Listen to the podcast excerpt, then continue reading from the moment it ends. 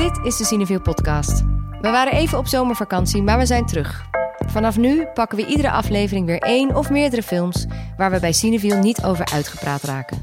Films die gedachten oproepen en anekdotes bovenhalen en die ons weer aan andere films doen denken. De filmtheaters zijn nog steeds gewoon open en er staat een filmische nazomer klaar waar je u tegen zegt. Van grote films waar we twee jaar geleden al voorpret bij hadden, Hello Mr. Bond, tot kleine verrassingen die tijdens de lockdown werden gemaakt. Zo komt onze favoriete Franse filmmaker Céline Sciamma met een low-budget persoonlijk sprookje dat ze in een paar maanden realiseerde: Petite Maman. In de tweede helft van deze podcast gaan we daarover met haar in gesprek, dus blijf vooral nog even hangen. Eerst gidsen we je door het gigantische aanbod van de komende maanden heen. Wat staat er allemaal op de filmagenda en waar gaan we zelf voor in de rij liggen? Ik ben Lauren Murphy en ik ben redacteur bij Cineville. En voor de gelegenheid zitten we vandaag met de hele redactie aan tafel. Maan Milker, Fien Veldman, Jente Buskus en Jesse Heinis. Hallo. nou, hebben jullie nog een beetje een filmische zomer gehad? Ondanks alle grijze luchten, Jesse? Uh, ja, zeker. Um, filmische zomer. Um, ja, mijn vrouw is nu 38 weken zwanger. Die kan elk moment ook tijdens deze podcast bevallen. uh, de, maar, de grootste, uh, je grootste productie ooit. Precies. en het is ons eerste kindje. Zo heel veel van die filmische zwangerschapsmomenten. Dat ik zo een commode in elkaar aan het klussen was met mijn nieuwe schroefmachientje. En Caroline zat met haar benen omhoog. De IKEA-folder, zeg maar uit te, te, leggen van wat ik moest doen. Een beetje zo'n reclameachtige setting was dat. Of, uh, maar ik heb het ook andersom, dat ik naar Titaan was geweest... waar ook iemand zwanger is, wow. op een hele heftige manier. Ja. Dat dat ook allemaal momenten bevatte die ik net had meegemaakt... maar dan even net even anders. Maar dat is wel... op zijn Cadillac. Ja, het zijn heel veel filmische dingen... die je dan heel vaak hebt gezien, maar nu voor het eerst meemaakt. Dat ja. is wel... Nou, ja. Celine Sciamma zegt in het interview wat we straks gaan, gaan afspelen in de tweede helft, zei ze ook: Revolutions can be very small things. Aha. Dus het kan ook zijn de IKEA-folder en ja. de commode in elkaar knutselen. Zeker. Ja. En jij, Jente? Um, ja, ik heb niet een hele filmische zomer gehad, denk ik. Ook misschien omdat ik me pas echt filmisch voel als het heel zomers weer is. Dan ga ik me helemaal Call Me By Your Name gedragen en maar het heeft wel, het was Alleen maar persik eventjes gewoon fijn weer, toch? Of heb ik dat... Ja. soort van... Volgens mij waren het echt losse dagen, toch? Het was nooit zo één week aan elkaar, behalve vorige week. Ik heb gewoon soms zin in zo'n hittegolf van een week, maar dan als we erin zitten al niet meer. Ja. Maar ik had wel één avond, uh, toen ik voor het eerst weer naar de film ging, na de heropening, naar uh, Nomadland. Toen had ik er ook helemaal zo'n soort van momentje van gemaakt. Dat ik, ik had helemaal een jurkje aangedaan. Ik ging een glas wijn halen bij de bar. En um, toen kwam ik eruit. En ik had sowieso ook heel erg genoten van al die domme gesprekken die mensen om je heen hebben in de film. Die heel leuk zijn om naar te luisteren. En uh, toen ik eruit kwam, toen was het volgens mij net 12 uur geweest. En toen kwam er een nieuw album van Lord uit. Van, of een nieuwe single of zo, waarvan ik heel fan ben. En toen heb ik uh, zo in mijn jurkje op de fiets beetje wijn dronken, ja. naar de nieuwe single geluisterd, oh, midden over de trambaan Ja. gefietst. Ja. En toen had ik helemaal zo'n coming of age. Klinkt als niemand in de stad. Veel- ja, ja, studentes. ja. Of zo'n Jersey Ronans. Ja. Ja. Ja. ja. Greta Gerwig zou heel trots op me zijn. ik. Heel goed. Fine Maan heeft een van jullie wel een soort groot, meeslepend Grootste filmisch nee. moment. Afgezien van onze Canroy-loper natuurlijk, maar die Ja. hebben we al een keer besproken. Ja, had ik een filmisch moment. Nou, ik heb wel dat ik een paar keer in mijn eentje in de auto heb gezeten. En dat ik toen Sky Radio op had en dat gewoon op de een of andere manier... Radio. Love Sky Radio. Niet Eh, gesponsord, niet nee. gesponsord. En dat toen net allemaal meezingers. Echt zo, eh, dat nummer Sleeping Satellite van Ta- Tasman Archer was er. En dat was zo'n nummer wat ik dan ken uit mijn jeugd. Zo'n nummer uit de jaren negentig. Wat ik dan, dat had een clip met allemaal soort occulte dingen erin. En eh, zij draaide toen met haar handen een soort van naar de, naar de lucht ge- gericht. Draaide ze heel veel rondjes terwijl ze heel veel uithalen heeft. En eh, op de een of andere manier vind ik dat iets wat ik heel fijn vind om in mijn hoofd na te doen. Ik dacht dat je ging zeggen, en toen brak donder en onweer los terwijl ik in die auto zat. Maar ik had dus even die, die hele ervaring, terwijl ik in mijn eentje in de auto zat, waardoor ik gewoon schaamteloos echt heel hard ging meezingen. Maar ik moest dus mijn handen aan het stuur houden. Ehm, dus dat was iets minder filmisch. Maar Filmische momenten zijn soundtrack gerelateerd. ja, ik was bijna zo die auto wel, ja. zo op een soort special American Honey. effects manier. Ja. Weet je wel, dat hij opeens zo van de grond afkomt. Wow. ja, dat, Ehm, mijn meest filmisch moment. Nou, ik denk eigenlijk dat dat dus wel vorige week was. Toen was het inderdaad heel lekker weer. En ik ging kanoën in het Amsterdamse bos met een vriendin van mij. En die vriendin die had zo'n Panama-hoed op. Weet je wel, zo'n witte hoed met zo'n zwarte rand Ja. om me heen. En zij kanode echt meters voor mij uit. Want zij kan veel beter kanoën dan ik. Dus ik was zo heel traag zo daarachteraan. En toen zag ik dus haar silhouet, zeg maar, zo op het water weer spiegeld. Zo helemaal in het groen van het Amsterdamse bos. En het was ook zo heel vroeg 's ochtends, dus het was helemaal stil. En je hoorde alleen maar zo'n paar vogels. En ja, ik dacht echt gewoon van, oh, we gaan hier gewoon door een soort jungle heen of zo. Dus dat was wel echt, vond De ik een heel filmisch, filmisch moment. Ja. Ja. het was echt prachtig. Het dit doet me een beetje aan ons uitje denken. We hadden een Cineviel uitje ook deze zomer voor het eerst weer sinds dat corona was begonnen. En dat voelde als één groot filmisch moment. Ja. Daar is ook veel karaoke gezongen, waaronder Corrie Konings Huilen is voor jou te laat door mij een maan. Het enige serieuze karaoke moment was voor mijn gevoel. En dat werkte heel goed. Ja, dat was echt chill. Ja. Mijn, mijn filmzomer, of mijn zomer bestond eigenlijk vooral uit honden met de hond uitlaten. En op een gegeven moment was er een karretje en daar zaten denk ik tien honden in van een of andere uitlater. En die stonden allemaal met hun gezicht dezelfde kant op Oeh. te staren. En die man was nergens te bekennen. En ik Oh. dacht alleen maar, dit is raar. Of ze zien spook of zo, weet je hoe dieren soms ja, zo... ja, ja, ja. En, ze en toen kwam hij gewoon van een afstandje de steeg uitlopen. En haalt ze dus zo erg onder appel dat ze gewoon allemaal op hem zaten te wachten. Dat, dit zie je ook bijna alleen maar. Dit is een soort filmshot. Gingen ook allemaal mensen foto's maken eromheen. Maar goed. Anyway, we gaan weer naar de echte film. We zijn ook veel naar de echte film geweest, denk ik, deze zomer. Buiten dan wel binnen. Ja. Ehm, en we hebben zin. Goede zin. Ik heb in ieder geval goede zin. Ehm, dus ik heb jullie gevraagd om eh, de film waar jullie het meest door gehyped waren. Dus de grote titel waar je zin in hebt. En dan een wat kleinere, misschien verrassing waar je naar uitkijkt. Of waarvan je vindt dat mensen hem allemaal moeten gaan kijken de komende maanden. Dus we gaan jullie even wat dingen tippen. Eh Jesse, ik begin bij jou. Wat eh, is de, de, de hype waar jij hebt zitten wachten? Ehm, June, maar daar ga jij het zo over hebben volgens mij. Oh ja, die heb ik al gekaapt. Eh, maar sinds vorige week ook heel erg The Matrix Resurrections. Thomas? You seem particularly triggered right now. Can you tell me what happened? I've had dreams that weren't just dreams.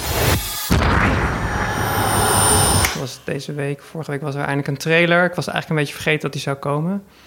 En, eh, Er ontstond meteen, meteen al discussie hier op ja, kantoor. Of het er wel of niet goed uitzag. Ja. ik vond het echt heel goed uitzien. Het was een beetje een mix van eh, ja, oud en nieuw.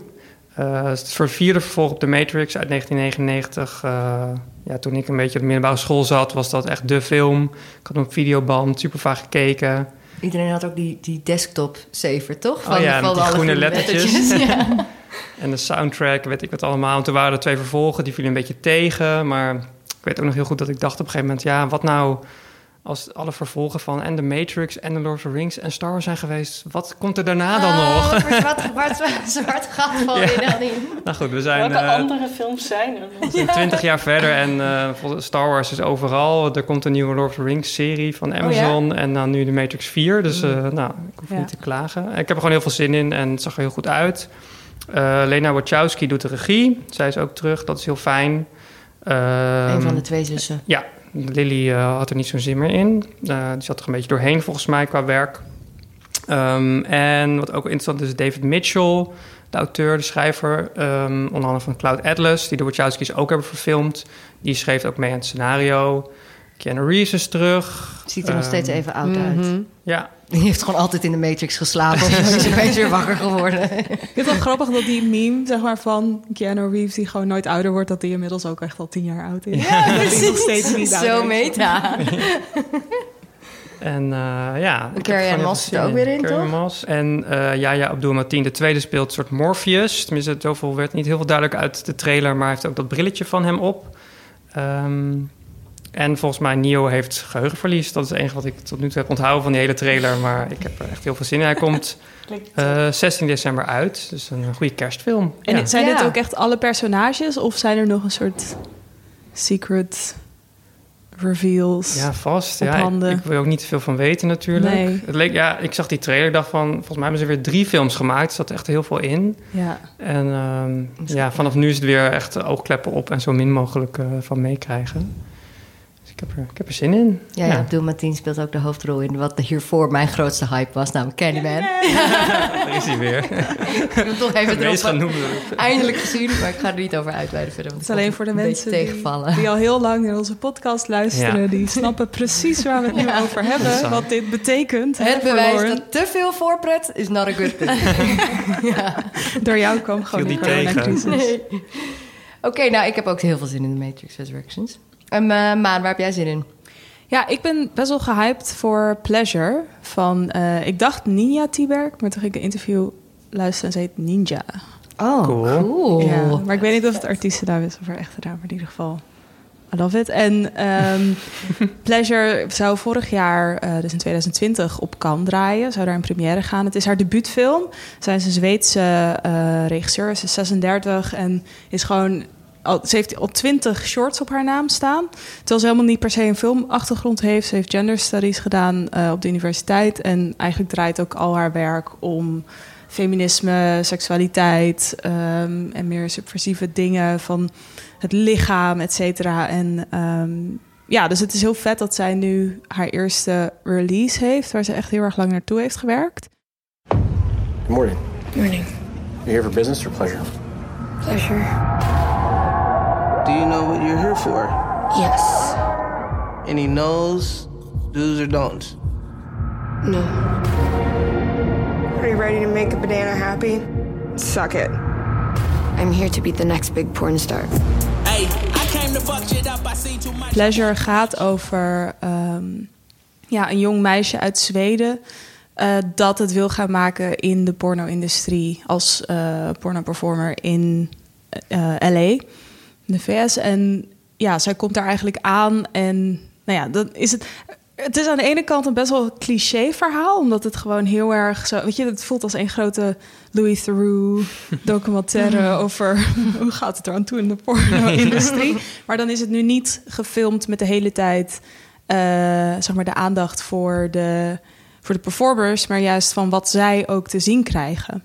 En eh, dus je, je, kijkt niet alleen naar de seksscènes die worden opgenomen, maar juist ook van hoe staat de geluidsman erbij en hoe is iemand die als boeker werkt, als het ware, voor, of agent, hoe is die daar gekomen en hoe zit dat? En uh, de film gaat ook heel erg. Want, want Ninja Tieberg, die was zelf eerst, vooral als, als tiener, zei ze, was ze echt radicaal anti-porno. Gewoon omdat ze geen uitweg zag uit, um, ja, zeg maar, het hele male gaze, uh, vrouwen die onderdrukt worden en die heel erg worden geobjectificeerd. Wat natuurlijk ergens ook wel uh, ja, zo erg bij porno is gaan horen.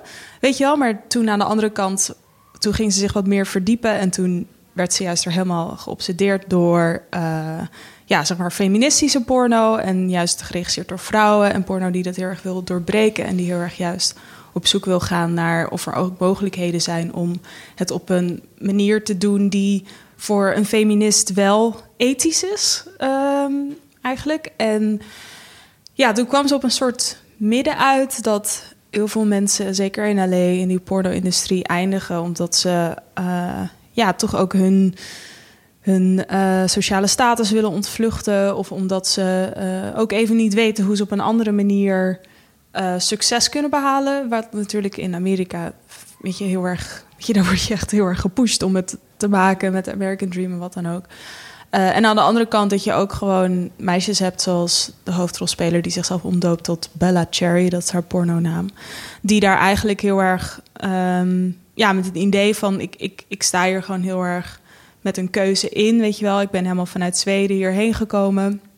Maar die dan daar toch dingen ervaart Hè, dat, dat ze eigenlijk een droom nastreeft die van haar eist dat ze de hele tijd over haar grens heen gaat. Mm.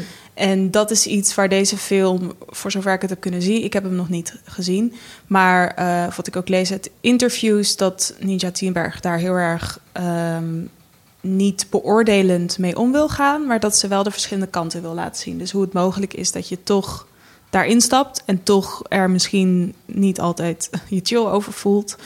Uh, en hoe dat niet meteen een hele afwijzing van sekswerk is of wat dan ook. En, uh, maar ja, ik, vond, ik, ik kijk er aan de ene kant heel erg naar uit. Ook omdat je ja, ik ben gewoon heel erg benieuwd naar wat dat andere perspectief doet met het onderwerp. Maar aan de andere kant ben ik er ook een beetje zenuwachtig over. Want eh, je, je had die serie The Deuce van de Ja. makers van ehm, The Wire. The Wire. Eh, bijvoorbeeld met Maggie Gyllenhaal en Gyllenhaal. Daarvan had ik zoiets van... Dat, dat gaat over eh, de andere kant van de Verenigde Staten, over New York... en hoe daar mensen in de jaren zeventig vanuit eigenlijk eh, sekswerk op straat... en eh, zeg maar tippelwerk toen zijn beland in de porno-industrie. Wat daar toen heel erg in opmars was. En nou ja, dat wordt daar ook aan de ene kant allemaal heel erg vertoond van... ja, zo gaat het naartoe en heel erg open of zo. Maar aan de andere kant had ik er ook wel een beetje nare bijsmaak van. Gewoon dat ik daarna... Weet je, soms dan zijn films dat je je zo erg inleeft... dat je daarna dingen niet meer niet kan zien, zeg maar. Dus ik kan nu niet meer naar porno kijken zonder aan de douche te denken. Eh, en ik ben dus bang dat ik het ook met deze film heb. maar ja, dus, maar ik heb er op zich ook wel weer zin in. Dus dat, maar ja. Want er spelen ook heel veel mensen in uit de porno-industrie, Klopt, toch? ja, ja. wel, eh, Ja, ze heeft heel erg, ja, ze heeft er zes jaar aan gewerkt aan de film. Ze heeft 2000 mensen eh, auditie laten doen voor de hoofdrol. en uiteindelijk is ze bij A Friend of a Friend uitgekomen, die ze kende uit het uitgaansleven. Ehm, maar inderdaad, ook qua alle acteurs eromheen wilde ze eerst met mensen die zeg maar mainstream acteur zijn eh, samenwerkt- werken, maar ze merkte toch dat die dat het ze te veel moeite kostte om de porno-industrie neer te zetten op een manier hoe zij het voor ogen had. Want ze heeft ook heel erg lang, ja, heeft ze zich echt on- ondergedompeld en met mensen meegelopen en zo. En zich echt heel erg verdiept. Waardoor ze ook een heel groot draagvlak had binnen die porno-industrie. En dus opeens mensen ook wel bereid waren om mee te doen aan de film. In een rol die eigenlijk heel erg dicht bij hun eigen werk staat. Uh, maar dat kost haar wel heel veel moeite om dat vertrouwen te winnen, ook uit de industrie. Omdat zij juist ook met heel veel backlash te maken hebben. En heel veel inderdaad documentairemakers die eens even een judgmental film Mm. willen. Ja, precies. En, uh, maar zij ja, heeft zich daar uh, in weten te bewijzen op de een of andere manier. Ja. Dat is dan ook wel echt een heel interessant project. Ja. Vanaf wanneer draait Pleasure? Dat is een goede vraag. 16 november of zo? Ergens in november. Het komt in de show notes. Jente, waar kijk jij naar uit qua Eh, grote, grote titels? Ja, ik ben heel erg gehyped eh, voor de French Dispatch. Vooral door de castlijst. It began as a holiday. Eager to escape a bright future on the Great Plains, Arthur Howitzer Jr. transformed the series of travelogue columns into the French Dispatch, a factual weekly report on the subjects of world politics, the arts, high and low, and diverse stories of human interest. You don't think it's almost too seedy this time? No, I don't. For decent people. It's supposed to be charming.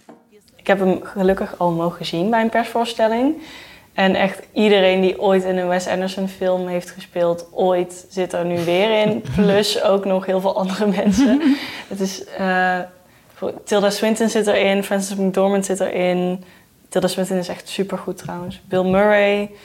Uh, Lea Was dat een algemene shout-out naar Tilda Ja, of sowieso. Tilda specifiek Swinton is altijd heel goed. Ik hou heel veel van haar. Maar ze is hierin ook echt chefskiss. Gewoon heel goed. Uh, Elizabeth Moss zit erin. Willem Dafoe. Ja, het is echt een waslijst aan bekende namen. Ook echt voor de meest mini, mini, mini rolletjes. Echt super Wes Anderson en super pretentieus en heel gestileerd. En dan weer zwart-wit en dan switcht het weer naar animatie en dan weer naar kleur. En, um, dus je moet er ook wel van houden. Maar ik hou daar dus heel erg van als een film gewoon een soort van volledig schaamteloos, super pretentieus is.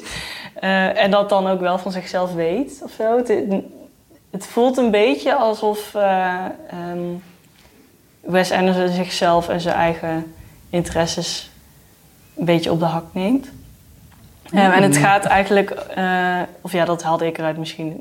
Wil ik het leuker maken dan het is hoor. uh, en het, het, is eigenlijk geïnspireerd op uh, The New Yorker. Dat is een, een New Yorks tijdschrift. Um, maar dan is daar een soort van fictieve versie van gemaakt. Die dan de French Dispatch heet. En dat is dan een magazine met Bill Murray als eindredacteur. Dat in een um, Franse stad, Ennui-sur-Blasé... wat eigenlijk gewoon Parijs is... Um, een soort van kantoortje heeft. En um, de structuur van de film is eigenlijk dat het uh, losse verhalen uit dat tijdschrift zijn en die zijn dan verfilmd. Dus ze hebben niet per se iets met elkaar te maken. Maar af en toe ga je weer terug naar de writers room. En dan eh, zie je weer al die schrijvers bij elkaar zitten. Ehm, en het zijn dus ja, het zijn hele verschillende verhalen. Ehm, het gaat over van alles. Het gaat over kunst. Het gaat over fietsen door Frankrijk. En ja, ik vond het ook wel fijn omdat mijn aandachtspannen heel erg kort is geworden de afgelopen anderhalf jaar. Dus dat is ook wel fijn als je niet meer eh, twee uur naar één Wes Anderson verhaal kan kijken. Dan krijg je er nu gewoon een stuk of vijf. Een stuk of twintig, ja. TikTok, maar dan met... Ja, het is eigenlijk gewoon TikTok. Voor de Jente-generatie. Ja, hou je van TikTok en van Wes Anderson? Ja, dan kan je deze page. Ehm, dus ja, ik, het, was eigenlijk, het was gewoon precies wat ik nodig had. Ik kan me heel, ja, heel goed voorstellen dat mensen het bloedirritant vinden ook, maar ehm, Maar je weet wel waar je aan begint. je toch? weet wel waar je aan begint. En Wanneer als je gaat die hebt, draaien? is het top. Die draait vanaf eh, 21 oktober. Dat is al snel. En Fien, jou, eh, jij had ook, was ook gehyped voor een film, maar dat duurt nog even. Duurt nog even, nou ja, 25 november. Dus eh, ik heb geduld. Eh, voor House of Gucci. Ehm, ja, want wie mij kent weet dat ik alles waar Lady Gaga in speelt... eh, ja, gewoon wil zien. It was a name that sounded so sweet, so seductive. Synonymous with worth, style, power. But their name was a curse too. In deze film speelt zij eh, Patricia Reggiani. En dat is de vrouw van Maurizio Gucci. En Maurizio Gucci is, is based on a true story. Hij is in 1995 vermoord eh, door een huurmoordenaar. En die was ingehuurd door zijn inmiddels ex-vrouw.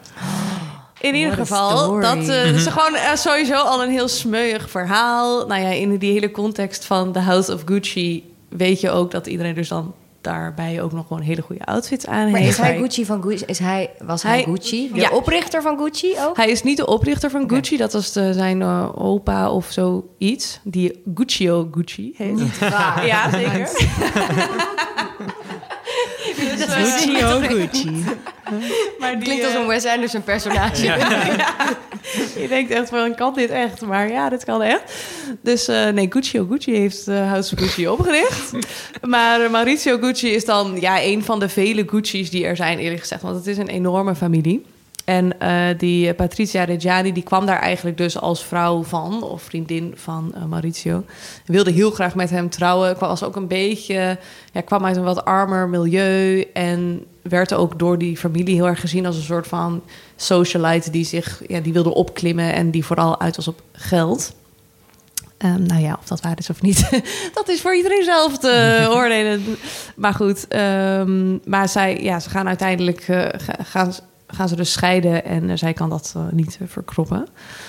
Ehm, dus ja, sowieso een goed verhaal. Je weet natuurlijk al hoe het afloopt, want ja, het is gewoon echt gebeurd. Goeie dat maakt mij niks uit, want ik wil gewoon weten hoe Lady Gaga dit gaat doen. In die trailer vond ik haar al heel overtuigend. ik zei net tegen Jesse voordat we eh, deze podcast op gingen nemen. Lady Gaga is gewoon een heel goede actrice. dat was eigenlijk gewoon mijn hele punt. van eh, dit verhaal. Let's leave it at that. Ja, dus, in die eh, trailer doet ze toch ook op een gegeven moment slaat ze een kruisje. Ja. Dat is de Father Son House of Gucci. Oh, precies. En toen dacht ik, dit wordt mijn Oh, lievelingsfilm. wat- Ja, inderdaad, dat dacht ik, dat denk ik dus ook nog steeds. En eh hij is trouwens geregisseerd door Ridley Scott, even Wow, dat wist ik helemaal eh, de- detail. De Ridley Scott de die is toch daar al minder, 95 of zo inmiddels. Die is ondertussen alweer met een nieuwe film bezig. Ja, Ja. ja. Maar eh, ja, Dat wist dus, ik helemaal eh, niet. Wordt de hype er minder of hoger of groter van? Want, Groter. Ja? Ik vind dat wel grappig, ja. ja, zeker. Dat vind ik dus ook. Dat vind ik wel interessant. En ik vind het ook grappig dat dus de sterren in dit geval zo groot zijn... en de fashion zo goed... dat Ridley Scott gewoon ondergesneeuwd is in deze media. Want ik wist dit helemaal niet. Ja, want inderdaad, verder nou, ja, speelt Adam Driver, dus eh, eh, die man, eh Jared heeft ook Leto. echt een goed, eh, goed Ja, seizoen. eh. Sowieso, eigenlijk al drie seizoenen lang heeft hij gewoon echt. eh, Ja. Maar Jared Leto speelt erin echt onherkenbaar overigens. Eh Sophia Loren komt erin voor. Ik weet Hm. niet hoe groot haar rol is. Maar... En Al Pacino speelt er ook in. Kijk. Dus, eh, ja, dus je hebt sowieso al echt wel big Ja, dan raak je names. ja. Ja, Ja. en wat ik ook wel heel leuk vind, is dat Lady Gaga... Die, nou ja, als je Lady Gaga een beetje volgt op het internet of gewoon dingen over haar leest, dan weet je dat zij gewoon ongeveer elke minuut van elke dag wel een keer zegt. I'm Italian. Ja. Dus eindelijk kan Lady Gaga zeg maar haar Italiaanse roots nu eh, ja, een soort van uitleven. Ook al spreekt ze volgens mij geen woord Italiaans. Maar ze zegt altijd zo van... I'm an Italian girl from New York. Just an Italian girl from New York, the, the young Italian American girl from New York. Is that I'm Italian and from New York? Good, good Brooklyn Italian girl. Dat is belangrijk. Echt gewoon de hele tijd. Dus, eh, dus dat is ook wel leuk dat ze gewoon de hele tijd met een, een enorm accent eh, daar... eh, iedereen heeft trouwens een heel eigenaardig Italiaans accent. Dus ik weet niet helemaal Niks hoe ik ervan dat eh, Italiaans. ga accepteren. Maar ik denk, ja, ik ben toch al zo hyped. Dus voor mij komt het wel, eh, komt het wel goed. Ja. 25 november. Ik heb eh, heel veel zin in eh, de film die deze donderdag uitkomt... van die andere persoon die een, een goede rit heeft dit najaar. Timothy Chalamet. Waarvan ik dacht dat ik er echt genoeg van zou gaan krijgen. Ja, dat zou ik maar dat is toch niet zo. Hij heeft ook wel zo'n soort van... Blank canvas of zo. zo. Waar je, ja, waar de, ja, het is misschien, of toch ook gewoon best een goede acteur. Blijk, blijkbaar. Maar die, op manier is de hype rondom hem ook zo groot... dat ik daar soms aan ga twijfelen, weet je wel. Maar ik heb June gezien al. Die, daar gaat het over. Die komt donderdag uit. Planet Arrakis is so beautiful when the sun is low. Rolling over the sands, you can see spice in the air. The outsiders ravage our lands in front of our eyes.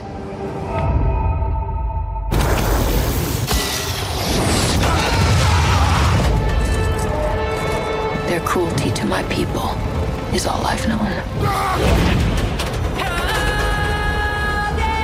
What's to become of our world? Als je meetelt dat in de jaren 70 eh Godorowsky al bezig was met een remake van het boek. En het boek is geschreven in 1965. En werd, daarvan werd toen al gezegd van het is totaal onfilmbaar. Het is een van de grootste sci-fi novels ooit. Eigenlijk een beetje, je had het net over Lord of the Rings, yes, maar dit was ook zo'n... Je had Dune en Lord of the Rings. En daarna kwamen eigenlijk pas Star Wars en al die andere dingen. Dus Dune is echt de original, waarvan ik heel erg hoop dat... Bijvoorbeeld de jongere generatie, nu klink ik echt heel oud. soort van, weet je, alle mensen die nu aan Marvel gewend zijn. Er zijn natuurlijk heel veel hele grote science fiction films gemaakt. Ook de afgelopen jaren. Star Wars deel spin-off nummer 15. Ehm, dit is gewoon wel net van een ander... Het is enerzijds heel klassiek, maar het is ook heel filosofisch en best traag. Het gaat over... eh, er zitten wel alle klassieke elementen in, maar omdat het dan de eerste was die daar eigenlijk mee stoeide, is dat wel tof om te weten. Het zijn allemaal warring clans en families op allemaal verschillende planeten in een 2021.506 nog Heel wat. ver weg. Heel ver weg in de toekomst. Ehm, eh, en je hebt de Atreides-familie, die wonen op de, een planeet met heel veel water. En die krijgen via een soort koloniale oorlog... krijgen zij een zandplaneet toegewezen van de Imperial Force. Imperial Family. En daar op die zandplaneet zijn hele grote duinen, hence June. Eh, en hele grote zandwormen. En het leven is daar totaal eigenlijk onleefbaar. Het is te warm, maar er is natuurlijk een, een gro- bevolkingsgroep... die daar al jaren een manier heeft gevonden om daar te overleven. Dus daar moeten ze dan mee gaan dealen. En er is een soort ehm, grondstof die daar wordt gewonnen. Dus het gaat eigenlijk over olie. Dat ging het toen al in 1965. En het is nog steeds ontzettend relevant. Want het zijn natuurlijk de hele klimaatcrisis is nu net is alleen nog maar erger geworden. Ehm, dus die thema's zitten er allemaal in. Maar het is wel duidelijk een deel 1. Het eindigt heel erg op een noot van er moet echt wel een deel 2 komen. En als dit geen succes wordt, dan Ja. komt er dus geen deel 2. En dat lijkt Dus me we echt moeten er allemaal naartoe. Rampzalig voor deze Daarom film. is het jouw tip. Zelfs jij, Fien, jij moet voor naartoe. Doe het voor mij, want anders er komt er geen deel graag 2. En dan weet ik nooit hoe het afloopt Dan met, moet je dat hele dikke boek gaan met lezen. Zendaya en Timothy Chalamet. Want daar wordt heel erg naar gerefereerd. Maar zij zitten echt maar een paar minuten in. Oh, uiteindelijk. Ja, Oh. omdat het dus eindigt op... eh Ah. nou, ze zit heel veel in zijn visioenen. Oh ja. Ehm, nou ja, het is gewoon heel classic science fiction. Hele grote gevechten, hele grote planeten, hele toffe ehm, production design, heel hard geluid. Echt te hard eigenlijk, maar daar kan ik wel van genieten. Je moet dit echt op het grootste scherm gaan zien. Dus het grootste scherm dat bij jou in de buurt zit in Cineville. En als de film draait, pak die. Eh, geregisseerd door Denis Villeneuve, die ook Arrival heeft gedaan en Blade Runner 2046. Wat ook een beetje, volgens mij uiteindelijk een beetje een flop was. Mhm. Met wat ze hadden. Dus ik hoop heel erg dat dat hier niet bij gaat gebeuren. Dat het niet eh, te traag is. Of te, ik, ik vond het geweldig. Ehm, en in sommige bioscopen draaien ze daarnaast dan ook nog de documentaire Godorowski's June. Die echt heel erg aan te raden is. Want dat is een beetje zoals eh The Man Who Killed Don Quixote van eh, Terry Gilliam. Zo'n verhaal wat gewoon Hij is uiteindelijk nooit van de grond gekomen.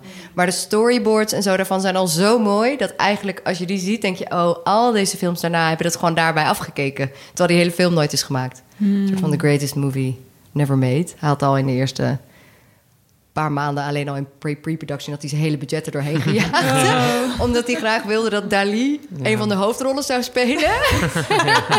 en Dali toen had geëist dat de troon waarop hij zou zitten in die film... oh nee, het toilet waarop hij zou zitten in die film... gemaakt moest zijn van twee aan elkaar gehechte dolfijnen.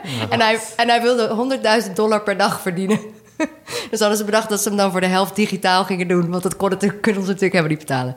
Nou ja, het zijn alleen maar dat soort verhalen. Dus dat is een hele leuke documentaire om, eh, om erbij te kijken. Maar dat is wel echt zo'n big, big blockbuster... die, eh, die ik echt had gemist de afgelopen anderhalf jaar. Dus die vooral eh, ook gaan kijken. Ehm, daar Vanaf deze we- week, toch? Vanaf deze week, ja. Ja. 16 oktober. Voor mij is een beetje de vraag, 16 wat komt eerder, mijn 16 zoon of mijn, sorry. mijn bezoek aan June? Dat is een beetje... Wat? Mijn zoon komt eerder of mijn bezoek aan June. Dat wordt heel spannend. Ga vrijdag. Het begint nu al een soort inter- intergalactic war Ja. going on hier al, ja. Ehm, nou, ik, dan gaan we meteen door, denk ik, naar het rondje van de film... waar die mensen misschien niet verwachten... maar die je ook moet gaan kijken deze herfst. Eh, Maan, waar heb jij je zin in?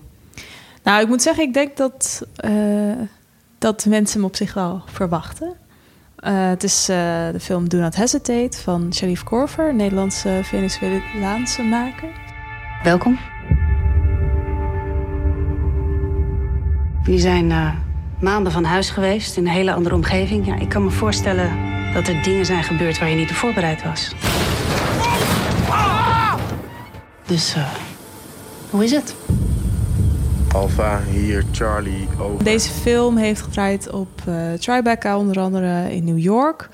En nou ja, wat ik zag is die daar best wel goed eh, ontvangen. En wat ik ervan heb gezien is dat, wat, wat me meteen aansprak... Of nou, misschien moet ik eerst even vertellen waar die over gaat. Het gaat over een eh, jonge groep soldaten die meedoen aan een vredesmissie... in een niet helemaal gedefinieerd land in het Midden-Oosten. En eh, daar komen zij op de een of andere manier vast te zitten... waardoor zij ehm, ja, de rest van de groep eigenlijk kwijtraken... en ja, een paar dagen moeten overleven... en daarmee in aanraking komen met de plaatselijke bevolking. En dan ontstaat er een soort spel van... eh, kunnen we ze nou vertrouwen of niet? Weet je wel, van eh, hoe zit het? En los daarvan gaat het ook om dat die jongens hartstikke jong zijn. Ehm, het zijn echt 17, 18-jarige jongens die gewoon dan met een mitrailleur in hun hand ergens staan. Ehm, en ja, die daar helemaal eigenlijk ook misschien door getraumatiseerd zijn. En eh, hè, dat, dat, dat, die film gaat ergens ook over de kwetsbaarheid die er nodig is om dat. ehm, ja, om het daarover te kunnen hebben of om dat aan te snijden en hoe dat zo haak staat op dat hele hiërarchische macho gedrag eigenlijk wat je in het leger aangeleerd krijgt. Ehm, ja, en wat dat betreft past het ook al bij eerdere dingen die, eh, die hij heeft gemaakt. Hij heeft bijvoorbeeld meerdere afleveringen van Penosa ehm, gemaakt. En ook eh, Clem en zijn vorige film Infiltrant had ook te maken met ja, echt zo van die masculine of masculine overdreven uitingen. En aan de andere kant eh, ja, kwetsbaarheid. En wat me meteen opviel was dat, dat er best wel sterke keuzes zijn gemaakt op artistiek vlak. Dus qua cameravoering, qua formaat. Ehm, het, is niet een schermvullend formaat. En ja, ik weet niet, ook qua kleuren en alles. Ik dacht wel echt van, oh ja, hier heb je een maker die inmiddels al... Of nou ja, het is tien jaar of zo sinds zijn afstuderen. Ehm, die, die er echt goed in zit. En die ook die keuzes durft te maken en kan maken. En ja, dat vind ik altijd heel leuk om dat van Nederlandse bodem te zien. Ehm, dus ja, weer, weer het, is een beetje een, een trend de afgelopen tijd met de Oost en Slag om de Schelde om in te zoomen op jonge jongens eh, die dan eh, ja, in het leger zitten op wat voor manier dan ook. Maar ik denk dat, dit, dat deze film daar wel eh, uniek in staat, omdat het juist ook gaat om heel erg de keerzijde daarvan en niet zozeer de actie. Ehm, ja, dus daar, dat, ik denk dat die film wel veel mensen ja, kan verrassen. Ja. ja. Gaat En- op speelt NFF dus in niet, première? eh, nou ja, de- Tri- Tribeca dan dus al. Of was dat vorig jaar al? Of? Eh, nee, is dit jaar is hij van de zomer daar in première Oh, ja. Ja, maar in Nederland gaat hij tijdens de Met NFF. NFF, in ja. première. Ja. ja. Cool. En Jente? Ehm, ja, waar ik heel erg naar uitkijk sinds de trailer gedropt is, al volgens mij een paar maanden terug, is Lamb. Het is een nieuwe eh, A24-film en hij is ook voor, volgens mij gewoon heel A24-rig. Op een goede manier.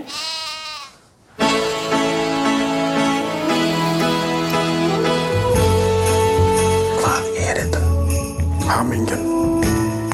I may not always love you, but long as there are stars above you, you never need to doubt it.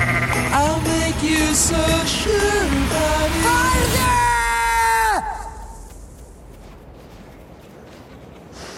only knows Ehm, de- van de regisseur Valdimar Johansson, een IJslandse regisseur. Eh, het is een debuutfilm. Ehm, en het gaat over een lammetje slash jongetje slash soort van Kindje. verschrikkelijk demonisch iets, denk Ja. ik. ik heb geen idee. Ehm, eh, met, en, en in de hoofdrol eh, niet het lammetje, maar ehm, een boerin eh, op wiens, in wiens stal eh, het lammetje geboren wordt, ehm, is Nomi Rapace. Die ken je misschien van eh, de Millennium-trilogie. En dan de Zweedse versie daarvan. Daarin speelde zij eh, Lisbeth Salander. En dat deed ze echt heel goed, vond ik. Ehm, en nu speelt ze dus een, eh, ja, een vrouw ergens op het platteland van IJsland. eh, en ze kan geen kinderen krijgen met haar man. En dan ja, de, het plot dat A24 geeft, zeg maar, als, als promotietekst is... ehm, they make an alarming discovery one day in their sheep barn. en meer weten we niet. happy. Ik heb hem gezien in Spannend. Cannes. Ja, Ja. ik had het Lam. idee dat, die, Lam. dat het op kan dat, dat niet zo heel veel mensen hadden gezien, maar dat het wel de stiekem mijn publieksfavoriet was. Ja, zeker. Ja. Toch? Dat ja, ja, ik was, dat was de eerste film die ik daar zag. Ik dacht ook, ik ga gewoon even... We waren net aangekomen. Hij was inderdaad rijden niet in het hoofdprogramma of zo. Was, alleen, Ja. was nog niet eens aangekocht volgens mij toen of net. Maar het leuke wel aan die film is dat het, dat het je denkt... oh, ze houden heel lang dingen in het ongewisse... of het wordt alleen maar heel eng en het blijft heel mysterieus. Maar op een gegeven moment is het gewoon helemaal niet meer mysterieus... en dat is heel dapper Ja, er zit leuk. in de trailer ook echt een, een shot van gewoon een lammetje met een spijkerbroek. Ja, dus het, wordt, het is heel ontroerend en heel eng en heel atmosferisch. Ja. En heel mooi gedraaid. En ook volgens En mij heel knijtergoeie veel truien. marketing. Eh, iedereen had het er meteen over. Van, Ja. Wat is deze film over een lammetje met een spijkerbroek in IJsland? ja, waar is de merch? en in, de trailer is dan ook de, de Beach Boys God Only Knows Ja. eronder gezet. Wat het zowel heel schattig maakt, maar ook heel eng. Onheilspellend. Heel. Ja, Zonder dat het geremixed is of zo. Ja. Ik weet niet. Ehm, ja, ik ben eh, heel benieuwd. Ook een beetje bang. Maar ik heb er wel heel veel zin in. Ja, en ik heb ook, in. kleine tweede optie, heel veel zin in Annette. Maar puur en alleen omdat ik alleen maar hele rare headlines daarover zie. en die van Leo Scarax, de nieuwe. Ehm, ik had, vanmiddag zag ik een eh, headline van eh, Decider, een van de media outlet. Ehm, en de, de kop was... Yes, you will see Adam Driver's butt in Annette. And soon after that, you'll see Adam Driver performing oral sex on Marion Cotillard while singing. Ja, this guy. Can do anything. Adam Driver En, kan en dat is mijn pitch. Wauw. Ja, het is sowieso ook hun eh, geld binnengehaald, toch, voor die film? Ja. Werkt. Ik heb het idee dat in Annette, ook in de trailer zit een soort... Dus Annette is het kindje in de film. Het kindje wat Adam Driver en Marion Cotillard krijgen, toch? Ja, Mhm, sommigen hier aan mhm. tafel hebben de film al gezien. Maar dat kindje ziet er in de trailer uit als een pop, de Ja, hele tijd. heel raar. Toch? Is dat de bedoeling? Wil je dat ik daar antwoord op geef? Nee. Ja, oh, jij hebt die film Ik niet weet, gezien? Ik heb hem nog niet gezien. Oh, nee, dan zeg ik niks. Het ziet eruit als een babyborn die gewoon de hele tijd heen en weer aan het Ik gooien zeg zijn. niks. Ik zeg Je niks. moet het Ik zelf vond gaan het ook een meemaken. beetje Oh. vreemd. Ja, een beetje vreemd zag het eruit. Het is een hele Yes, vreemde maar wel film. lekker. Ja, yes, waar heb je zin in? Eh, nou, ik kijk wel uit naar The Most Beautiful Boy in the World. Quel âge a-t-il Il est très beau. Dis-lui d'enlever son boulonnet. Daar heb ik nog helemaal Nee. niks over gehoord. Nou, ik ga je er nu van alles over vertellen, maar niet te veel. Eh, het is een klein documentaire van eh Nederlandse distributeur Amstelfilm. En het gaat over de Zweedse acteur Björn Andresen.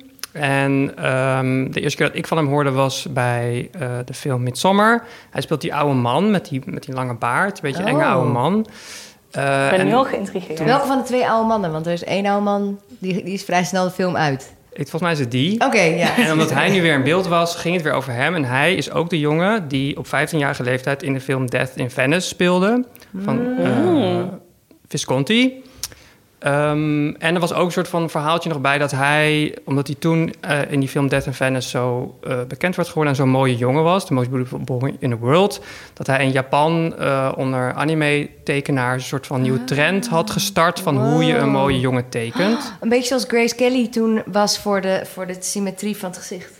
Dat zou heel goed kunnen. Die, dat heeft, had niet blijkbaar het meest symmetrische gezicht ooit. Dus voor portrettekenaars wordt altijd een soort gulden snede. Is haar gezicht een soort van voorbeeld van. Oh ja. hoe een Maar ik perfect had niet- gezicht eruit zou moeten zien. Zeker. Ik had niet door dat het eerst had ik niet door dat, dat er een soort weet je dat dat een ding was en dat er een film uitkwam. Dus Mhm. toen zag ik gewoon op Twitter of zo zag ik een afbeelding van hem met daaronder zo the most beautiful boy. world. toen dacht ik aan zo nou nou nou. Dat valt wel mee. Valt wel mee. Nou ja, destijds... Ah, eh, best een beautiful boy. Ik heb eventjes gegoogeld. Ja. Is wel één hele grote maar. En Oh. dat is, eh, en dat is ook waar deze film over gaat. En wat het ook weer zo'n film van nu maakt. Van, het gaat terug naar die klassieker, naar toen. En toen was hij een gevierde acteur, een ster op 15-jarige leeftijd. Vijf jaar? 15. Oh, 15. Ja, en in, eh, ik heb Death in Venice nooit, Death in Venice nooit gezien. Maar eh, zijn rol is eigenlijk... Er is een soort van oudere componist in Venetië... die heel erg verliefd wordt op hem als tiener. Eh, en daar moet hij ook zo mooi zijn. En eh, nou ja, in deze film, in deze documentaire... ehm, zie je hem op eh, zijn huidige leeftijd. Volgens mij is hij ergens in de 70, in de 80... En hij zegt eigenlijk, ik heb echt zo'n enorme knauw gehad van die periode. Van op de set, van Visconti, van de premières op de festivals, van mijn reis naar Japan. Waar hij dus ook een tijdje is geweest om allemaal reclames te maken. Ehm, geobjectificeerd worden eigenlijk ook ja, en ik, ik- ja, ik heb het documentaire nog niet gezien, maar ben wel gewoon heel benieuwd naar van, van hoe hij dat uitlegt, hoe dat zo gegaan is. Eh, er zit een kleine hint in de trailer dat, dat zijn oma graag wou. Dat zijn oma eh, die voedde hem op en die wou graag een filmster Hmm. in huis. Ehm, Ja, dat is wel heel mooi. Dat je dan juist als iemand nu al op zo'n late leeftijd is... dat er wel ruimte is om eens een keer echt die vergelijking te maken. Weet je wel, omdat heel vaak bij veranderingen in de moraal of wat dan ook... dan zeggen we, ja, maar toen was de tijd anders Ja. en je kan het niet meer, zo en zo. Dan zijn die Maar- mensen al dood. Ja, precies. En is het zo interessant om dat dan vanuit het perspectief van iemand... die zeg maar beide kanten meemaakt, Ja. om dat dan mee te Mhm. krijgen of Ja. zo. En ehm, ja, dus die film gaat, er- die is ook met hem gemaakt. En er schijnt ook al eerder een documentaire te zijn geweest in die tijd dat hij gecast, had, gecast was. Dus ik ben ook benieuwd of ze dat ook gebruiken. Van, daar zal het waarschijnlijk wel over die zoektocht zijn gegaan. Hoe fijn het was Mhm. dat ze hem hebben gevonden. Ehm, nou ja, dus ik ben heel benieuwd hoe, hoe dat... Dus ja, het is een, een documentaire over film, maar ook over hoe we toen naar film keken en hoe we nu naar film kijken. Ja. Dus dat, eh, Ja, klinkt wel ja, interessant. vanaf 9 december. Spannend. The most beautiful boy in the world. Fien. Ehm, ja, een wat eh, nou ja, minder bekende film, of in ieder geval voor mij was die eh, niet bekend, eh, is The United States versus Billie Holiday, een biopic over Billie Holiday. This holiday woman's causing a lot of people to think the wrong things. The starting gun for this so-called civil rights movement. Those lyrics provoke people. Y'all got a plan? She's a drug addict. Exactly. I cut strange fruit. I want to sing the damn song. It's for your own good, okay? I sing it the fuck I want. Nou ja, Billie Holiday op zich eh, wel bekende zangeres. En ja, vaak kies ik films waar ik naartoe ga eh, op heel oppervlakkige gronden uit. En hierbij ook, want dan zie ik gewoon de naam Billie Holiday en dan denk ik, wacht, hier moet ik naartoe. Gucci. Gucci, Billie Holiday. Ja, Lady. Gaga. Count me in. Ja, zo, eh, zo makkelijk eh, publiek ben ik wel. Dus, eh, dus hierbij dacht ik ook, oké, ja, eigenlijk heb ik geen idee of ik deze film echt goed ga vinden. Maar ik wil hem sowieso zien, omdat ik gewoon benieuwd ben hoe Billie Holiday wordt gerepresenteerd. Eh, door Andra Day wordt ze gespeeld. En het gaat over een periode in het leven van Billie Holiday waarin de FBI haar aan het schaduwen is. En dat doet de FBI eigenlijk omdat zij zich eh bezighoudt met de civil rights movement en eh, het lied Strange Fruit eh, speelt. Waarvan, nou ja, sommige machthebbenden dan denken dat moet ze niet spelen, want dat eh, veroorzaakt veel te veel onvrede. Het is een heel heftig lied over Het- de ja. lynching Ja, van ja, zwarte ja, goed mensen. dat je het, in- inderdaad- Vooral het zuiden van ja. ja. de Verenigde Staten. Ja, het is een heel, eh, ook een heel mooi lied en echt een enorm uh, groot uh, ja, hit eigenlijk Ja. in haar repertoire. Dat was voor mij als klein kind, vond ik dat altijd zo'n mooi nummer, wat ik echt gewoon in mijn kinderengels heb meegezongen. Ja, en dan weet je nog helemaal kan je Geen idee wat het denk je Oh my god, ja. Oh mijn god. Wat Ik heftig, hè? Echt Ja, verschrikkelijk. het is echt, Echt, eh, ja. heel Dus, ehm, nou ja, dat, en dat lied eigenlijk in die periode dat dat dus uitkomt... ehm, eh, nou ja, dan wordt zij dus eigenlijk nou ja, geschaduwd is misschien een beetje... of in ieder geval in de gaten gehouden door de FBI. Want die zoekt eigenlijk iets om haar, ja, ehm, haar activisme te, eh, te, ja, neer te drukken... of hoe zeg je het, te onderdrukken. Eh, en dat zoeken ze eigenlijk in de war on drugs, die dan ongeveer net is begonnen. Dus ze zoeken eigenlijk eh, in haar drugsgebruik een soort van reden om haar eh, nou de gevangenis in te gooien. Eigenlijk, daar komt het op neer. En eh, dat, nou ja, goed, dat vind ik een interessant, gewoon een heel interessant verhaal. Ik weet niet hoe deze film daar met, met dit verhaal omgaat. Dus Mhm. dat, la- daarin laat ik mij totaal verrassen. Ehm, maar ik ben wel gewoon heel benieuwd hoe ze dat doen. Omdat ik wel denk van... Het is gewoon een heel fascinerend persoon. Heel getalenteerd. eh, heeft echt heel veel meegemaakt. En ehm, ja, het is wel in ieder geval inhoud voor een hele goede film. Ja. En of dat het wordt, dat, eh, dat gaan we eh, Goed zien. onderwerp. Ja. Wanneer komt die uit? Ja, dat weet ik eh, even niet uit mijn hoofd en mijn... Komt ook in de show notes. ja, ik heb een, eh, een, eh, een, een Nederlands film op mijn radar staan. Ik blijf nog even in het genrehoekje, aangezien ik June ook al had aangeraden. En die heet Moloch. Wat heel leuk gaat zijn, denk ik, voor niet-Nederlands sprekenden Mhm. om dat ook te uitspreken. Moloch. Moloch is een... eh, nou, ik denk de eerste Nederlandse horrorfilm in tijden waar ik wel naar uitkijk... is van Nico van den Brink. Oh. Ja. Burn. Sorry. Ja. Geen grote fan van de pool, het spijt me. Ja. Ehm, nou, er worden gewoon ook niet zo heel veel lange horrorfilms in Nederland gemaakt. Ze krijgen nooit geld daarvoor. Mag wel wat vaker. Hoi, filmfonds. Ehm, eh, en ook niet zoveel science fiction en zo. Maar dit, is dus, dit ziet eruit als een Nederlandse folk horror. Wat ik best... Dus een soort midsommar, maar dan op zijn trends. Oké, nou dat Oh, klinkt nice. helemaal top. Heb ik wil nog er naartoe. nieuw of niet? Ja. van Nico van den Brink, die eh, eh, twee korte films heeft gemaakt... eh, waaronder Sweet Tooth, die ook meteen toen in Amerika werd opgepakt... en door James Wan van Saw en zo nu ontwikkeld wordt. En die heeft dus een... die, die heeft in Drenthe net opname gehad van een film... waarin een meisje eh, het idee heeft dat er iets duivels haar huis binnenkomt. Ehm Moloch verwijst naar iets... in- het is volgens mij een bijbelse referentie naar... eh, eh, kinderofferen, zo leuk, gezellig. En het speelt zich Klinkt als af de classic horror premisse. Super classic, maar in de Drentse Ja, ja, ja. veenlandschappen... waar natuurlijk ook al die veen lijken zijn gevonden en en, zo. Waarvan ze ook ja. denken dat... Want het meisje van Ide, Ja. toch? Oh, ik vind die Ja. reconstructies altijd zo Dat moet Ja, precies. Ze, weten, ze, weten gewoon, ze weet- denken nog steeds dat die, de, de lichamen die daar zijn gevonden ook geofferd zijn. Maar wel echt met, met heel veel jaren ertussen en zo. Dus het, er zit Oh, echt hier heel veel podcastseries over te luisteren. Dus eh, daar heb ik wel zin in. 11 november staat hij op de, op de planning. Maar ik heb nog helemaal niks gezien qua beelden. Ja, één beeld met allemaal een soort van, van mensen in... in eh, Helemaal satanic panic. Ja, in een soort van die- met, van, met, met die mist op het Drentse landschap. Ja, Oh, ik denk van, waarom in. is dit niet al veel eerder gedaan? Ja, Nederland leent zich daar super goed voor. Precies. dingen. Ja, oh, heerlijk. Ja, dus ik veel Hunebedden. Hunebedden, ja, rare verschijningen. En nog zoals Drents. Ja, wij hadden ook, ons uitje was ook in Drenthe. Wij ook. Ja. Noem nog iets trends. Ja, nog iets trends. Ja, dus eh, nou ja, daar ben ik gewoon heel benieuwd naar. Het is tot nu, tot, tot nu in ieder geval heel mysterieus. Nou, leuk. Ja, nou dankjewel voor jullie tips. Yes. Ik hoop dat het eh, allemaal niet tegen gaat vallen als we het hebben gezien. Maar dat zal zeker niet. Ik heb heel veel Nee. zin gekregen. Ja, ik ook. En dit was ook nog maar het topje van de ijsberg. Inderdaad, er is nog Ja. zoveel meer. Zoveel meer. Er heeft echt, veel op de eh, stapel eh, gelegen. Het is dat we maar met vijf zijn, want anders dan hadden we nog een Ja. hele lijst. eh. Ik vind ook Ja. een keer een podcast met heel Team Cinefield doen. Ja, 20 mensen. Heb je even... Ja, nee, het is te veel bijna om uit te kiezen. Maar nog één film waar we enorm eh, naar hebben uitgekeken is Petit Maman. Ik haalde het net ook al even aan. Dat is de nieuwe film van Céline Sciamma. De regisseur van Portrait de la Jeune Fille en Feu. Die in 2019 door Team Cineville werd verkozen tot de beste film van dat jaar. Dus kan, we kunnen denk ik wel stellen dat wij fan zijn met z'n allen. En Zeker. eh, zij is langsgekomen bij ons op kantoor. Laatst met sigaretten in de handen en goede verhalen in het hoofd. en uh, Maan ging met haar in gesprek, dus daar kunnen jullie naar luisteren. Je t'avais jamais vu avant. Tu m'as pas dit comment tu t'appelais Lenny. Je suis chez ma grand-mère. Elle est morte la semaine dernière. J'aime bien faire des petites tiges de chocolat et les manger. J'ai retrouvé l'endroit de la cabane de maman. On parlait jamais de quand vous étiez enfant. T'exagères, on te raconte tout le temps. Oui, mais c'est que des petites histoires.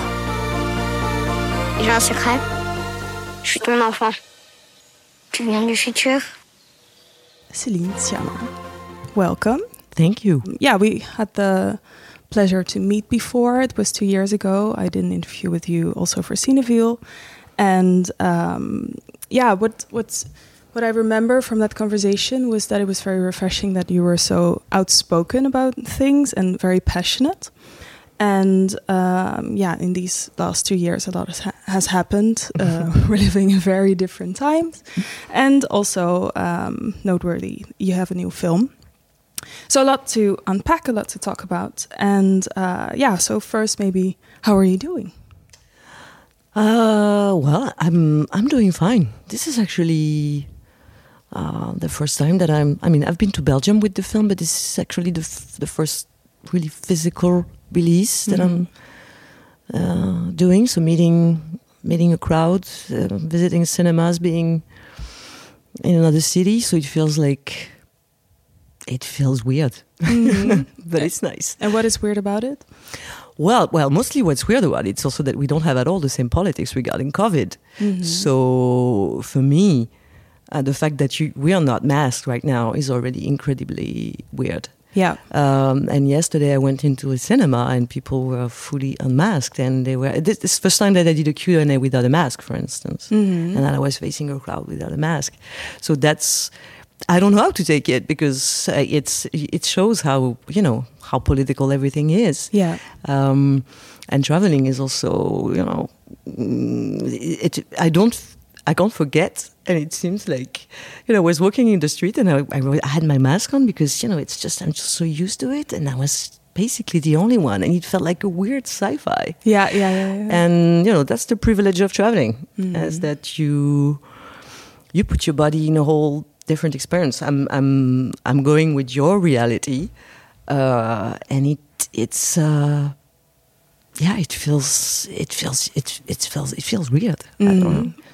You know, when I was doing the film, when I was shooting the film, it was this uh, our second lockdown in France, and and also the, for the first time, kids were masked, and I was looking at kids, and on the set, we were all masked, obviously, and Also the- during the casting process? during the casting process, yes.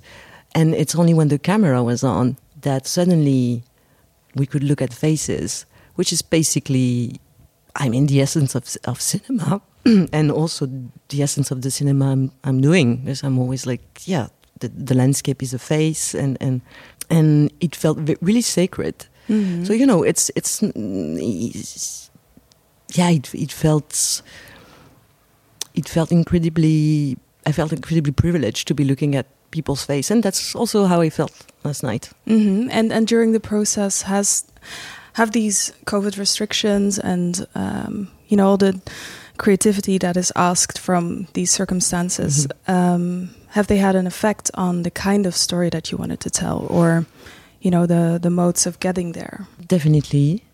Even though this film I had the idea for Petite Maman for years. Mhm. Um, I had it it came to me like in a dream while I was doing promo for uh, My Life as a Courgette, which is uh, or as a zucchini, I don't know how you call it here, but it's this animated film that I wrote the script for.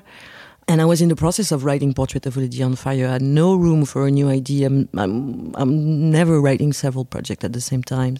It was the first time that I had like another film in mind. Mhm. Um, and I started writing it uh, right after touring for Portrait Early on Fire. So it was March 2020. Mhm.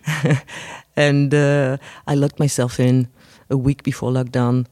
Uh, that was clever. uh, and I started writing the script, and then everything stopped, and I stopped. I felt like this is no writing residence. Uh, and you know, two months later, when I opened the file again, I I read that first scene that I wrote, which was a very personal scene to me, which is a, a, kid saying goodbye to several uh, women in a nursing home, and and the last room she gets in is empty, and this was a personal, yeah, very personal scene, and suddenly it become it became a collective scene. It, Mhm. it became, even though I had this scene in mind for years, it became charged with a new reality, and it became even more urgent. Mhm. Um, so I decided that I would do the film very, very fast, which wasn't what I had in mind because I'm I don't like to you know I like to live my life also a little bit and rest. um, but suddenly, the fact that yeah, the film was uh, kids dealing with grief, with intergenerational dialogue, um, felt right, and and even yeah, portraying a kid and also ad- addressing a film to kids because the film is, is is isn't made for kids, but it is it is built with kids in mind and adult and kids sharing the same cinematic experience fully. Um, it also felt urgent, uh, as they were totally disrespected during, and they still are du- during this whole process. Um, so the film was, yeah, the pandemic was kind of an accelerator for the film, and Mhm. um, and I wrote it uh, in a month. Uh, we did the casting uh, in July. I met uh, Josephine and Gabriel Sans very quickly, um, and we were shooting in September. Yeah. So it was um, a very very fast process, very close to the process of Tomboy, Mhm. um, but not at all made in the same way because Tomboy that I did in 2010 was a pirate film made very very fast, but this one uh, had more money and it was you know designed to be shot in a studio, so we Mm. had to build a whole set and Because t- did it take a lot of uh, diplomacy, so to say, to uh, for being able to even you know start shooting? No, we, we feared we, we would have to stop because second lockdown hap- hap- happened day two of our Mhm. shooting, and we didn't know if we were going to be allowed. What month are we allowed. talking about? We're talking October, Mhm. um, but we were allowed uh, to, to, to, to, go on as every film. But actually, you know, um, cinema is is very very uh, there's a lot of protocol, a lot of hierarchy. So we are used to that. It's not that it wasn't that difficult to deal um, with um, with the protocol. Uh, it's just that it took every. We didn't have any more social interaction on the set, so Yeah. it was all about going to the set was like going to church, you know. Mhm. and uh, but um, I'm very serious about cinema. You know, I'm Yeah. not doing cinema to party. It's Mhm. good if we can party also, but uh, it, it it it went really well with the film. Also because we were working with kids, and you, when you shoot with kids, they can shoot like only three hours a day. Yeah. So it's really about being super focused, super ready, um, uh, and the studio. The fact that it's only one set allowed us to be very, very careful. So the film was really, really COVID compatible. That's why we went for it. Yeah. Um, And you're talking about hierarchy in general in, Mhm. in the film industry, Yes. but also it was also an important uh, part of our previous conversation uh, about uh, Portrait of a Lady on Fire. It's actually funny because in in uh, here in the Netherlands, a lot of people call it Portrait de la jeune fille en feu, Mhm. and it's actually you know the only sentence that a lot of people can say fluently in French. so now if someone asks like, "Do you speak French?" So you're like, "Yeah, I know uh, Portrait de la jeune fille en feu." now they have Uh, Petite Maman also. yeah, yeah, exactly, exactly. um, but during our conver- conversation, you elaborated on how the film got some resistance because it portrays relationships of equality, and that that is something that is really important to you, and that in that film it was equality between the artist and the models, I'd say, the muse, but also between lovers, also between women.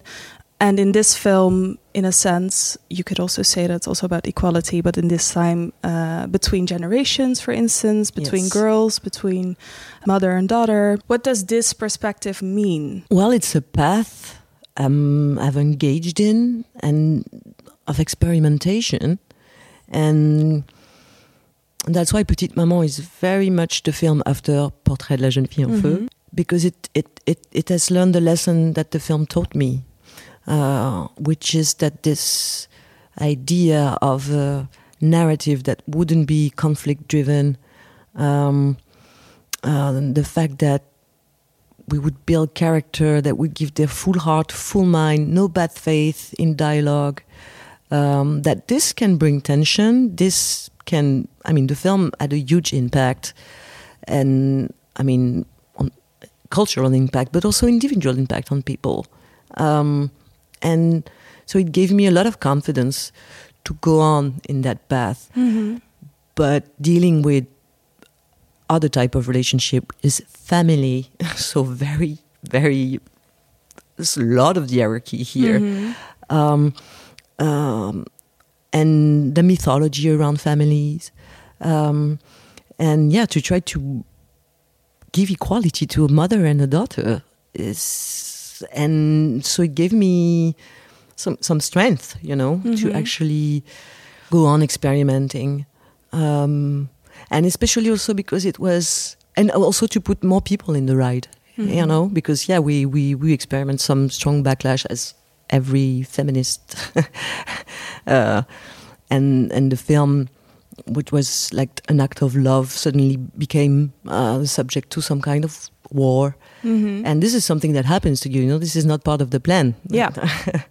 um, and this time I was like, okay, this this is going to be kind of the same ride. We're still working around the same ideas, narrative ideas, um, exploring them, but on another scale. Even you know, there were no men in Portrait of a Lady on Fire, which was cool, but also. You know, if some of them felt left off. I don't know why, uh, but uh, you know, this time there's uh, there's also this family. There's a father. It's a straight family. I mean, Mhm. um, and to look at that and to yeah to try to get more people in the ride, including kids, because Portrait de, de la jeune fille en feu isn't uh, very much kid compatible. But uh, and um, and I felt as as I was working with kids, I felt even more comfortable, you know, with this ethic of. Handing them parts that take them very seriously, but also that don't imply, uh, yeah, conflict, putting them in situations that they wouldn't feel comfortable with. Yeah. Um, there was some physical violence in Tomboy, for instance. I, I, I wasn't comfortable shooting those scenes. You have to listen to that. Yeah. Uh, and cinema is pretty much based on reproduction, and it's also like if you know the fact that you and it's that you would have to deal with violence and and and choreography that and you know and carjacking and everything that that would make you you know a director. Mm. Um, even though, but if you don't feel good about a scene, you shouldn't shoot it, you know. Yeah. And and so I really tried to yeah to create this environment of work that was also an environment for fiction that would yeah be radical, which means only go for what they can share, the opportunity of being together, and really wouldn't be based on conflict, even though we are facing a high concept here Mhm. because it's some form of time traveling film. So, you know, there's a there's a lot to harvest in a time traveling film. Uh, and this little mother, she could ask a lot of questions about the future. Uh, they could, you know, get in a fight, and that would be fun to watch and everything. And I really tried to avoid all that uh, and to build the film uh, without going through this path. Mhm. Um, And you're you're saying that you're being radical. Um, it's funny because that's also something that that I've written down. That in our previous interview, you mentioned that precisely this position that you hold of being someone who, on one hand, is very much embedded in this, you know, French privileged, uh, fi- uh, financed Mhm. film industry, but Mhm. on the other hand, that makes queering films uh, Mhm. in a broad sense. Mhm. Um, that that position and that privilege, so to say, makes you even more radical because you know that for you there might be one thing at stake, but with with your position, you can bring so much more for others Mhm. uh, to the table. And uh, I was wondering how you already mentioned the backlash and of your previous film, but also how that gave you some strength to Mhm. to go on and to even listen more to your intuition or uh, your creative heart. And I was wondering, like, what kind of development do you see in this? In what has happened, basically, to you, you know, in, in the industry and how people have reacted. Is there is there some kind of development, or is it stagnating? Well, it's hard to tell because you know I haven't been putting my body in rooms. Mhm. Uh, what I what I felt during the doing I, I did the promo for Petite Maman in, in France first, and Yeah. um, clearly the the mm, Portrait de la jeune fille en feu is now seen as a success there, and it should because it's been it's the French film that has been the most seen in the world in 2020. Uh, it's 1.6 million people. Wow. Um, so it is a success. So you know, I would I would be really I would really look like a pret complaining about you know, but backlash isn't about uh, not being successful. Yeah. Backlash is about uh, yeah. mm, mm, Questioning the status quo, maybe. Yes, and and it's also broader than your what you're actually doing. It's something Mhm. that's happening widely, and and you're just an element of it. So you you know you you you, you can't take it personally. It's too Yeah. much. It's it's it's it's. Um, I don't. It's hard to tell about the future, about my future, because it's also hard to tell about the future of our industry. Mhm. Um, But can you sense some kind of movement that goes beyond you, for instance? Of course, of course, definitely, and and mm, we'll see if a younger generation. We'll see how the younger generation, because uh, my industry is aging. The same people doing the films. Like I'm a young filmmaker in France. I'm 43 years old. Uh, you know. We'll see uh, what's a 20 year old cinephile or, or a young uh, director or screenwriter or editor wants to do. Where, d- d- do they care about being in cinema rooms? Maybe they don't. And maybe it's better this way, you know, because Mhm. they won't have to go through this whole protocol. Um, like uh, now, I feel like I, I, I wish my films could go in cinema and uh, you know, uh, on internet at the same moment. I, w- I- I think it would be better, you know. Mhm. Uh, for instance, I think it would be more democratic. I don't despise people who watch films uh, at home. I, I, I don't. Um, so it's just. I'm. I, I know that I'm not going to fight for the same things. I used to, f- you know. I'm. I'm going to fight for cinema, Mhm. and so fighting for cinema means, you know, transforming your fights also Yeah. um, and collectively and also individually. And I hope I can. I have I have a few ideas of doing things differently. Right, it, that includes writing differently, but also producing differently and, and showing things. So I'm not gonna spoil because I'm not sure yet. I'm still in No this very cla- classical pro- pro- project. Yeah. uh, but it might be the last. You mentioned that for you it is important as part of your passion for cinema to um, stay with the trouble, as you called it, Mhm. um, after Donna Haraway, a feminist theorist. And I was wondering, you know, like the trouble changes all the time. Mhm. And uh, as you express, uh, also your own investments, they also change. And with this film, what was um, what was the trouble you were staying with with this film? Hmm. I think, I mean, each each the film looks modest, but he, there's always like a crazy ambition, you know, Mhm. hidden in. And um, I was really thinking about how I wanted to invent a new mythology and new effective myth- effect, effective. I don't know if it's if it's. Um, Yeah, like a um, sentimental mhm. mythology, kind of the same with portraits uh, in a way, but uh, to family, applying to family, um, and because we are, I mean, analyzing ourselves, uh, forgiving ourselves, uh, trying to heal uh, from our childhood and through mythology, very old mythology. Uh, you know, even actually when you go through therapy, you you use f- those fictions, very ancient fictions, to yeah, to understand, to heal, to, and those are all fictions about rivalry. Mhm. You know, Oedipus is basically a fiction about rivalry, and we are all trying to yeah understand each other and heal through the idea that yeah love is a rivalry and in a family also which is nuts. And so petite maman is about this new mythology where we wouldn't be it wouldn't be about this trio. It would be a different trio. It would be a trio of a mother a daughter and a grandmother. And and it wouldn't be about rivalry or conflict. Uh, it would be about ancient sadness you carry and you, you you feel responsible, guilty of. It would be about much more simpler things. Something I think might be, you know, closer to people's heart than those ancient stories. You know, and so the revolution is there for me. You know, revolutions can be really small things. Mhm. Um, uh, and I thought about that, yeah, these new mythologies and how, you know, I have a friend who told me after seeing the film, she's an, she's an adult, uh, and she told me now when I when I'm angry at my father, I just picture myself doing a three house with him, and we're both kids, and things are better, and it's okay. Mhm. That's beautiful. So that's what we try to do. Yeah.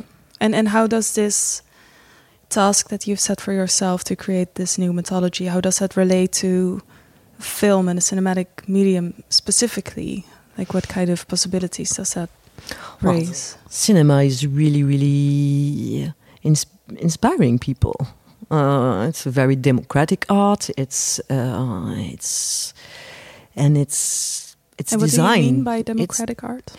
well, it's it's in TV. It's everywhere. I mean, Mm. films, uh, stories told with images, and they they influence. And I mean, um, there's no book that's going to be read as much as Black Widow is going to be seen. You know, um, and and it's it's basically based on reproduction, which is very weird. You know, you know, in literature, you know, you don't see a novelist being like, "I did like him or her." You Mhm. know, it's it's like cinema is bragging about doing like the guy before Yeah. in a way. Um, and it, it's an art with a lot, a lot of responsibilities. Uh, and you know, we we we've been talking about that for years now, but Mhm. not that long. Um, Yeah. And it's also yeah one of these only art where people can you know show the real world and go like oh my film is not political. So it's crazy How do you feel about that? well i feel like you shouldn't be do either you're lying or you shouldn't be doing film. Yeah. um you can't have a need hidden agenda for yourself. I mean you can. You everybody has but like not about your subject or whatever. Um so so that's why. We'll see how all the platforms have they, they, they, they get a lot of public because also they're they're going with new representation. What what does that mean? It's not about just new faces or it's it's new ideas. It's Mhm. new ways to interact. It's new And for that, sometimes you have to look back at these really old structures of storytelling. Yes, and you have to yeah, you have to depart, you have to search, you have to and that's why, you know, but when you look at uh that's why writing for kids is really, really interesting. I mean, because they are they are the most radical audience because they don't have any cultural background. Mhm. Well, they do very fast, you know, but and it changes all the time. You Yeah. can't rely on that. That's why you know the only left-wing cinema in the U.S. is uh, made by big studio, but it's anima- animated film. I mean, Inside Out is a, is a, is a film about kids' depression. Mhm. You know, um, and yeah, when you're dealing with thinking about kids' character or kid audience, you're like they. We can do whatever we want. We can be, you know, we can we can think about magic. We can rely on poetry. You, we, you, you don't have to go by the book because they haven't read the book. Yeah. and so they make you, you know, this can make you super brave. Yeah. Um, and yeah, I don't know. I, I don't know if I'm answering your question. You're answering it very poetically, so very happy with your answer. I would really like to thank you Thank for um, yeah speaking to us. And uh, again, it has been a very nice conversation. Thank you very much. Maybe we should make a tradition out of it. yes, of course. And uh, yeah, I'm very curious about your next project. And uh, yeah, I hope to see you soon. Thank you. I'll be back. Thank you very much. Salut Celine! Wat een fijn gesprek was dat. We hebben ook nog een video met Celine opgenomen waarin ze jullie brandende vragen beantwoordt. En die video vind je op het Cineville YouTube kanaal. Nou, dat was hem weer, de Cineville podcast. Petit Maman en June zijn beide vanaf deze week te zien. En alle andere films waar we het over hebben gehad verschijnen de komende maanden vanzelf in je favoriete filmtheater. Wil je weten welke films dat ook alweer waren? Check dan de show notes, daar staan ze allemaal in. Kies iets moois uit en ga lekker naar de film. De theaters kunnen jullie bezoekjes nog steeds goed gebruiken. Ook in Lab 1 in Eindhoven, Filmhuis Bussum en Concordia in Enschede, waar je sinds deze zomer ook naartoe kan met je Cinefiel pas. Yay! We houden jullie uiteraard op de hoogte van eventuele nieuwe coronamaatregelen en vergeet niet te reserveren, want de stoeltjes gaan hard tegenwoordig. Bedankt voor het luisteren en dankjewel Maan, Jente, Jesse en Fien. Tot de volgende keer. Doei! Volgende.